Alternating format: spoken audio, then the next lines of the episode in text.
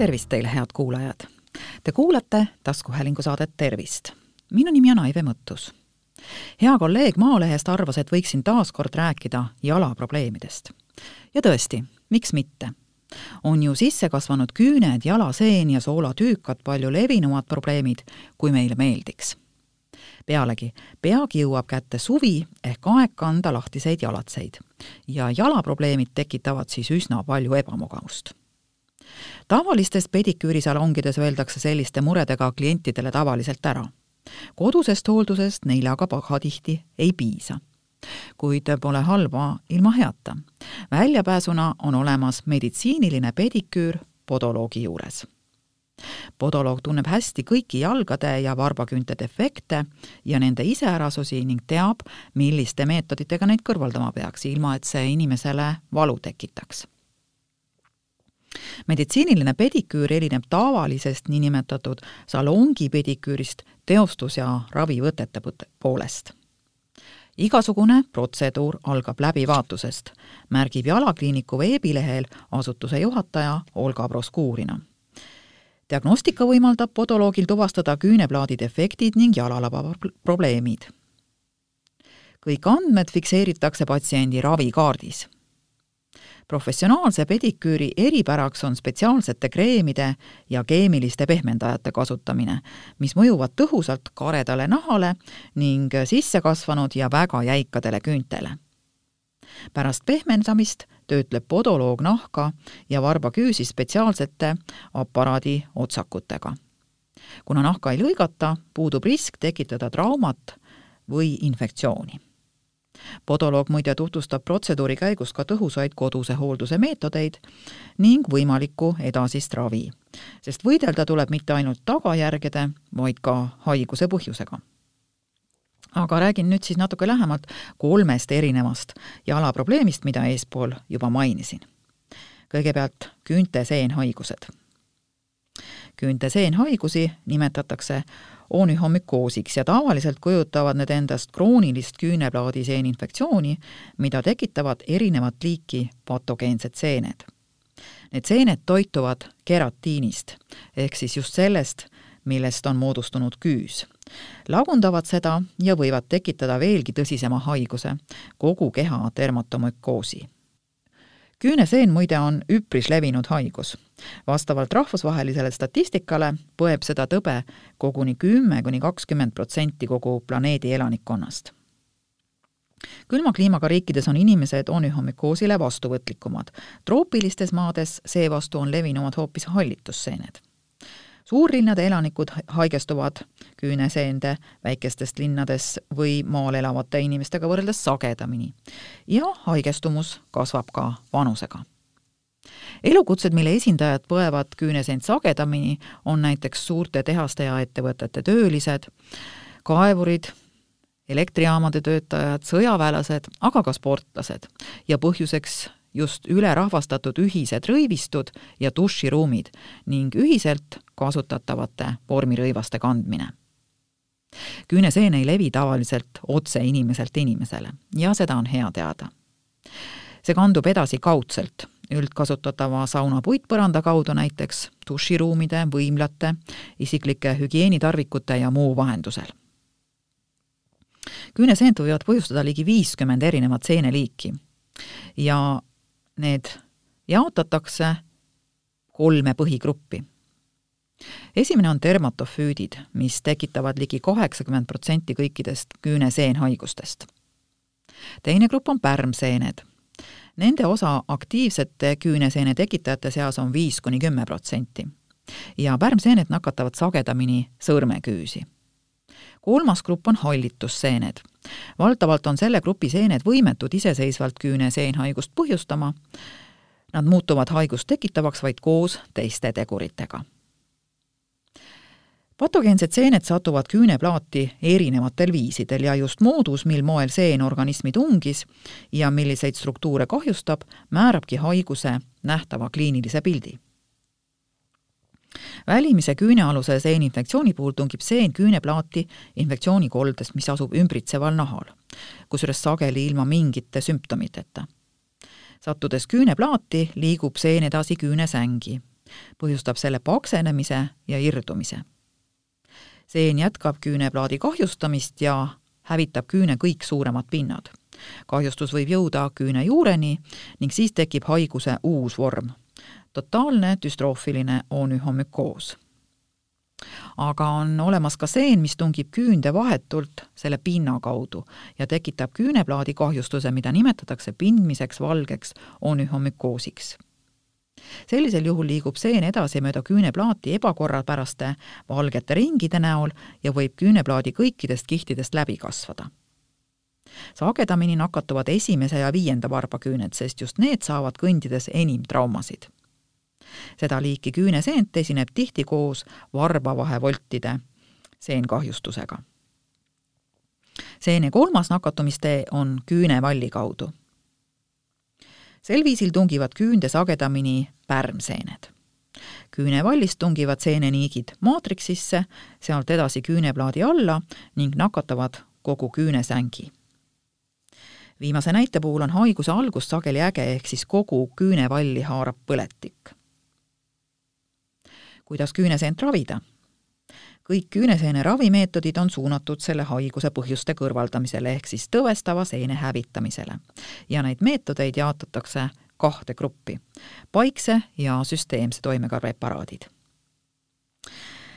milliseid preparaate kasutada ja kuidas neid ravi käigus tarvitada, otsustab nahaarst iga patsiendi jaoks eraldi olemas on ka küüneseene kombineeritud ravi, kui kasutatakse süsteemseid preparaate ehk siis tablette ja lokaalseid äh, ravivahendeid korraga.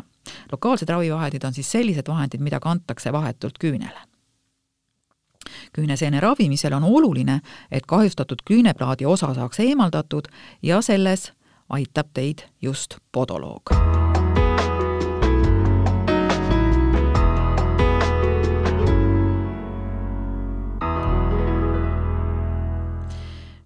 teine levinud jalaprobleem, sissekasvanud küüned. mõnikord aetakse segi mõisted sissekasvanud küüs ja deformeerunud küüs. sissekasvanud küünel võib küüneplaadi kumerus olla täiesti normaalne, kuid defekt tekitab ikkagi kõndimisel valu. deformeerunud küünel on aga peaaegu alati olemas ebanormaalne kõverus kõige ebameeldivam on selles olukorras asjaolu, et peaaegu igal deformeerunud küünel on kalduvus muutuda sissekasvanuks ja valmistada inimesele neid samu ebameeldivusi, mida valmistavad sissekasvanud küüned. küünte sissekasvamise peamisi põhjuseid on laias laastus kaks, välimised ja sisemised kõigepealt siis mõned välimised. no esiteks valesti valitud jalatsid kitsad või väikesed jalanõud tekitavad pitsumist. liiga suured jalatsid võivad põhjustada korduvaid lööke kinga nina pihta. kahjulikud on ka ilma kannata jalanõud muide. lamedad, piisava toeta jalatsid ning kõrged platvormkingad, mida paljud meist nii väga armastavad välimiste põhjuste hulka loetakse ka tugi ehk korrigeerivad sukkpüksid, mis siis jalga väga pigistavad.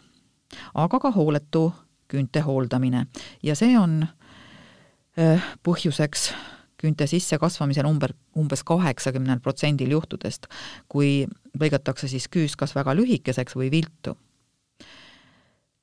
aga äh, küüne sissekasvamist võivad soodustada ka jalalaba deformatsioonid, mille põhjuseks on kas kaasasündinud anomaaliad, traumad, kompjalgsus, lambja, lampjalgsus, varvaste kõverdumine või muu säärane ning ka kaasasündinud muutused ehk düsplaasiad, no näiteks liikkumerad, konks või toruküüned, aga ka omandatud muutused, mida põhjustab näiteks liigne kehakaal.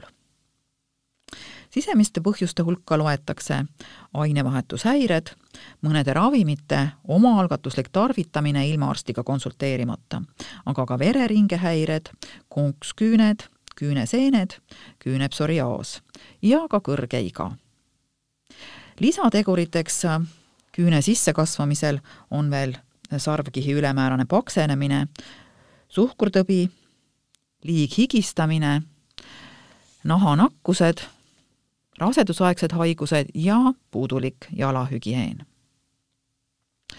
kuidas äh, küünte sissekasvamist ravida? probleemil on põhimõtteliselt kolm lahendusviisi sissekasvanud küünte ravimiseks on olemas umbes äh, või mitte umbes, vaid täpselt üle saja viiekümne erineva kirurgilise meetodi. operatsioonidest kõige tõhusam ja kasutatavam on Emmerti lõikus ehk küüneplaadi kiilresektsioon. seda tehakse ambulatoorselt ja kohaliku tuimestusega Äh, teiseks on olemas konservatiivsed meetodid, need on siis tavaliselt kodune ravi erinevate paiksete ravimitega. ja kolmandaks ortoneksia meetodid, see on siis ravi klambritega ja plaatidega. natukene lähen teile, räägin teile nendest ortoneksia meetoditest lähemalt tegemist on siis teadusega küünte kuju taastamisest, kasutades erinevaid korrigeerivaid süsteeme sellele pani aluse Šoti hambaarst Ross Fraser, kes eelmise sajandi kuuekümnendatel aastatel hakkas stomatoloogias tuntud meetodeid, siis nii-öelda hambaklambreid kasutama küünte kuju korrigeerimiseks. Selline lähenemine säästab patsienti operatsioonist ravikrambritega on protsess, mille käigus vähendatakse küüneservade survet pehmetele kudedele, kasutades selleks küüntele kinnitatud korrigeerimissüsteeme lambrite abil parandatakse ka deformeerunud küüne kuju ja küüned saavad kasvamise käigus tagasi esialgse normaalse välimuse. mida pikem on ajaliselt kuju taastamine, seda parem on tulemus ja väiksem retsidiivide hulk.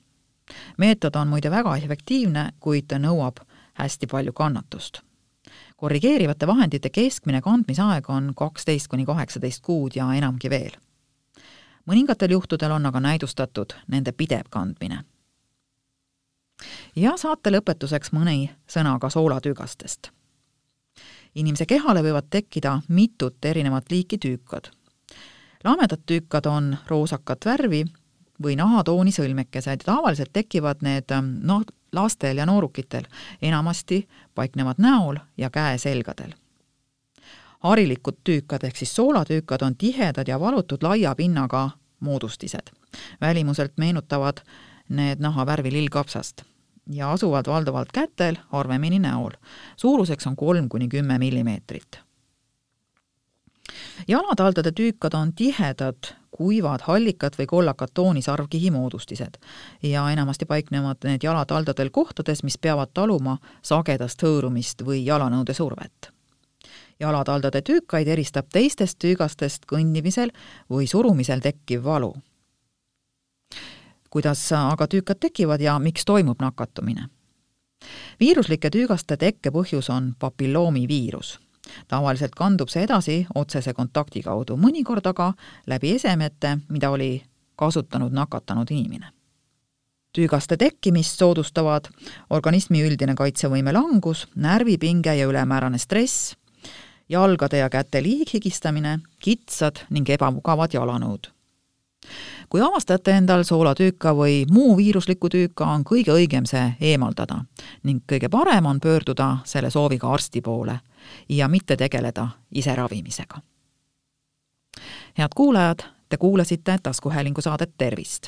saate leiate Delfi podcastide pesast tasku, nutirakenduste Spotify, Apple Podcasts, SoundCloud ja teised. hakake jälgijaks ja kuulake just teile sobival ajal. Ettepanekuid teemade kohta, mida saates käsitleda, ootan teilt e-posti teel aadressil tervist.maaleht.ee. minu nimi on Aive Mõttus, olen Maalehe taskuhäälingu saate Tervist toimetaja. tervist teile!